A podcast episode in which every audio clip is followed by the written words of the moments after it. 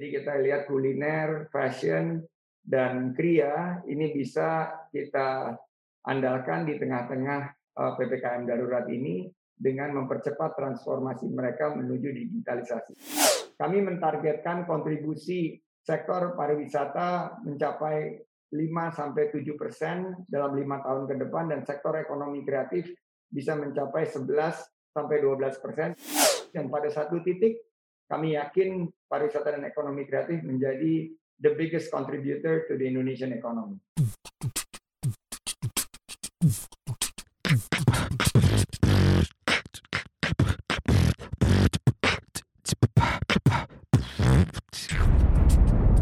Cuap-cuap cuan. Anda menyaksikan segmen khusus CNBC Indonesia eksklusif untuk Anda. Saat ini saya sudah tersambung langsung bersama dengan Menteri Pariwisata dan Ekonomi Kreatif Sandiaga Salahuddin Uno. Bapak Menteri, selamat pagi. Kabar sehat Bang Sandi? Kabar sehat Kevin, terima kasih untuk CNBC yang sudah mengundang kita dan semoga semua dalam keadaan tetap semangat, tetap optimis. Amin. Ini doa kita bersama Bang Sandi ya. Ini tadi bahkan PBB menyatakan jumlah kerugian sektor pariwisata dunia angkanya sangat masif dan luar biasa. Termasuk ada Indonesia di sana akibat pandemi. Untuk Indonesia sendiri Bang Sandi, upaya apa dan strategi terbaru apa yang perlu kita ketahui untuk paling tidak bisa mempercepat kebangkitan sektor pariwisata dan ekonomi kreatif di tanah air? Ya tentunya dengan PPKM darurat yang sekarang kita terapkan, strategi inti dari pariwisata dan ekonomi kreatif adalah secara totalitas membantu untuk patuh dan disiplin terhadap PPKM darurat di seluruh lini. Oleh karena itu kami menutup uh, seluruh destinasi wisata dan sentra ekonomi kreatif dan kami juga membantu langkah-langkah pemerintah untuk uh, mempercepat vaksinasi di setiap uh, destinasi wisata maupun juga di institusi pendidikan pariwisata dan ekonomi kreatif. Yang kedua, tentunya saat ini adalah saat yang tepat untuk mempersiapkan kembali beberapa langkah-langkah strategis untuk mengantisipasi pariwisata era baru yang jauh lebih fleksibel, pariwisata yang lebih berkualitas dan kita harapkan lebih berkelanjutan ke depan. Langkah-langkah seperti penyiapan agar sektor-sektor ini bisa bertransformasi, termasuk transformasi uh, pada saat sekarang adalah bantuan-bantuan yang kita berikan kepada para pelaku pariwisata dan ekonomi kreatif di Bali maupun di destinasi-destinasi lain termasuk di lima destinasi super prioritas yang sekarang kami lagi persiapkan sebagai bagian daripada strategi besar kita pasca pandemi untuk uh, bisa bangkit kembali. Harapannya ini bisa memicu satu percepatan akselerasi dari uh, persiapan kita membuka pariwisata kembali dan begitu PPKM ini menghasilkan hasil untuk menurunkan angka dari penularan COVID-19, tentunya kami siap untuk menekan tombol lagi untuk melakukan riset terhadap pariwisata dan ekonomi kreatif. Baik. Bapak Menteri, ada data dan catatan yang bisa dibagi bersama kami dari kementerian ini sebagai pemahaman dan gambaran jumlah pelaku pariwisata di industri ini yang kehilangan pekerjaan ada di angka atau kisaran berapa angkanya penambahannya seperti apa dibandingkan dengan masa awal pandemi di 2020? Ya, jika kita bicara angka 34 juta masyarakat Indonesia yang menggantungkan hidupnya di sektor pariwisata dan ekonomi kreatif. Dan dengan PPKM darurat, kami melihat ancaman itu kepada seluruh lini usaha pariwisata dan juga ekonomi kreatif. Karena dari segi ekonomi kreatif, 17 subsektor itu hanya sektor gaming dan sektor aplikasi maupun sektor film, TV, dan radio, termasuk beberapa sektor-sektor unggulan kita ini mengalami kontraksi. Oleh karena itu, saya mendorong uh, harapan bagaimana kita segera bergerak untuk menyelamatkan lapangan kerja ini. Karena paling tidak per hari ini ada 2 juta lapangan kerja kita yang terancam kehilangan dan dari total devisa yang sudah turun lebih dari 80% ini bagaimana kita men-switch atau yang kita sebut pivot ke sektor-sektor yang masih bisa uh, berkembang dan bertumbuh sekarang, tentu dengan digitalisasi. Jadi kita lihat kuliner, fashion, dan kria ini bisa kita andalkan di tengah-tengah uh, PPKM darurat ini dengan mempercepat transformasi mereka menuju digitalisasi. Bukan hanya berjualan konten-konten online, Kevin, ya. tapi kita bisa menciptakan konten-konten uh, kreatif produk-produk online yang dihasilkan maupun produk dan jasa dari masing-masing pelaku pariwisata dan ekonomi kreatif bisa dibantu dengan digitalisasi. Bicara mengenai fase, fase pemulihan dari industri ekonomi kreatif dan pariwisata kita ini ada di mana? Benarkah Bang Sandi masih jauh sekali perjalanan kita? Apa yang bisa dibagi sehingga terbangkitkan optimisme kita kembali? Ya tentunya dengan munculnya varian-varian baru varian yang harus kita antisipasi dari COVID-19 ini, kita masuk ke dalam satu periode yang disebut VUCA, Volatility, Uncertainties, Complexity, and Ambiguities, di mana kita melihat bahwa ada tantangan dari segi kebangkitan dari pariwisata kita. Seperti uh, sebelum PPKM darurat ini, Yogyakarta sudah positif plus 6 persen, tapi Bali masih negatif minus 9 persen. Ini adalah tantangan pemerintah untuk menghadirkan kebijakan yang berkeadilan. Oleh karena itu kita luncurkan program-program seperti pariwisata berbasis vaksin untuk Bali, bagaimana juga kita mendorong dana hibah untuk uh, kepulihan daripada sektor ini.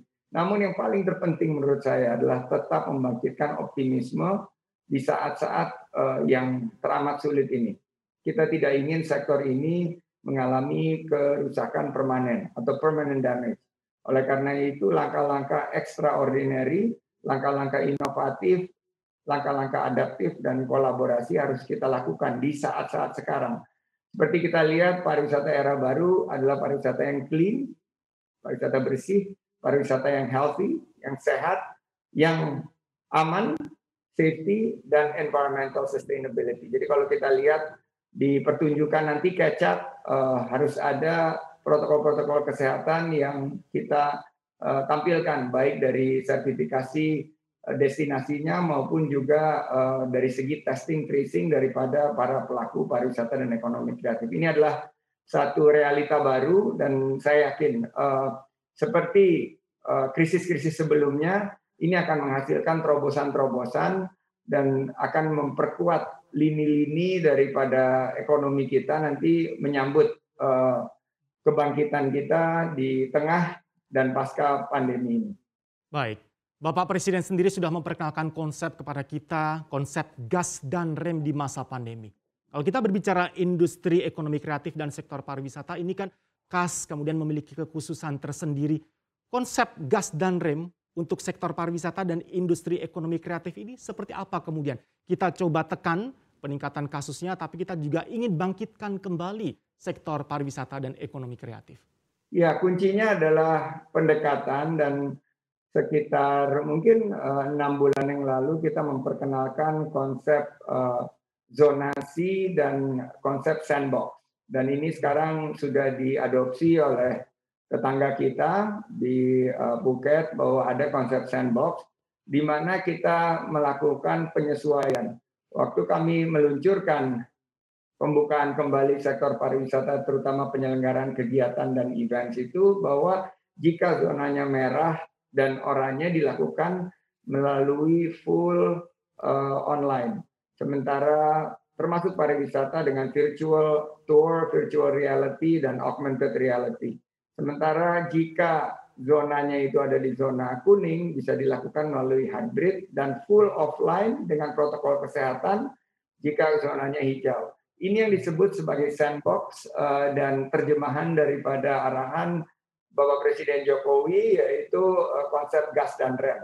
Jadi ya. begitu meningkat kasusnya, kita terapkan eh, tentunya pengetatan, tapi jika kasusnya melandai, kita akan melakukan penyesuaian dan pelonggaran. Ini yang selama ini menjadi uh, andalan kita, menjadi uh, cara kita untuk survive dalam bingkai protokol kesehatan. Namun dalam hal PPKM darurat ini tidak ada toleransi. Kita semua harus mematuhi karena kita melihat angka penularan yang sangat tinggi ini harus kita tekan dan menekan ini harus dengan uh, mengurangi dan menyetop mobilitas. Dan karena pariwisata yang fisik itu uh, identik dengan mobilitas, uh, tentunya harus kami lakukan penutupan destinasi wisata dan sentra ekonomi kreatif.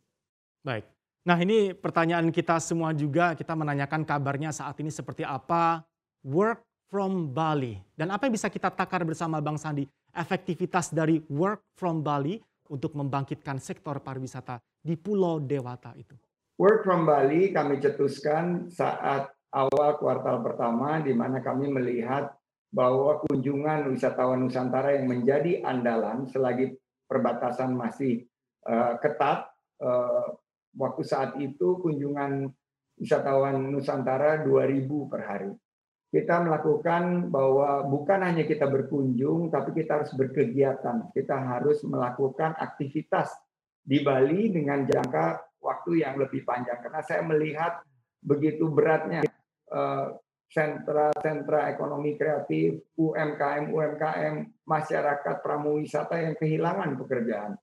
Oleh karena itu, work from Bali kita canangkan oleh Kemenparekraf di awal kuartal pertama dan saya mulai berkantor di Bali. Alhamdulillah di bulan Juni uh, sebelum PPKM darurat ini di bulan Juni dan Juli sudah mencapai kunjungan wisatawan Nusantara per hari itu ada di level 8.000 sampai 10.000 berarti naik 4 sampai 5 kali lipat. Oleh karena itu uh, work from Bali menjadi satu kebijakan yang sangat efektif dalam meningkatkan wisatawan Nusantara untuk menopang sementara wisatawan mancanegara belum datang dan kita juga ternyata mendapat sambutan yang baik dari Kemenko Marves yang mencanangkan work from Bali juga oleh beberapa kementerian dan lembaga lainnya.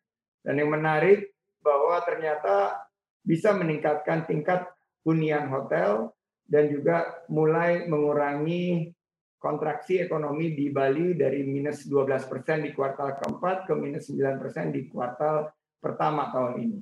Nah tentunya sekarang dengan PPKM darurat, work from Bali uh, tentunya on standby, kita hentikan sementara, kita menunggu sampai PPKM darurat selesai. Setelah PPKM darurat selesai, kita akan lanjutkan lagi program work from Bali yang terbukti uh, sangat efektif dan tidak menjadi pemicu penularan COVID-19 karena peningkatan COVID-19 di Bali dipicu oleh varian Delta dan juga tentunya setelah kita lihat datanya di eh, Satgas COVID-19 banyak yang dimulai kasus-kasus ini dari komunitas.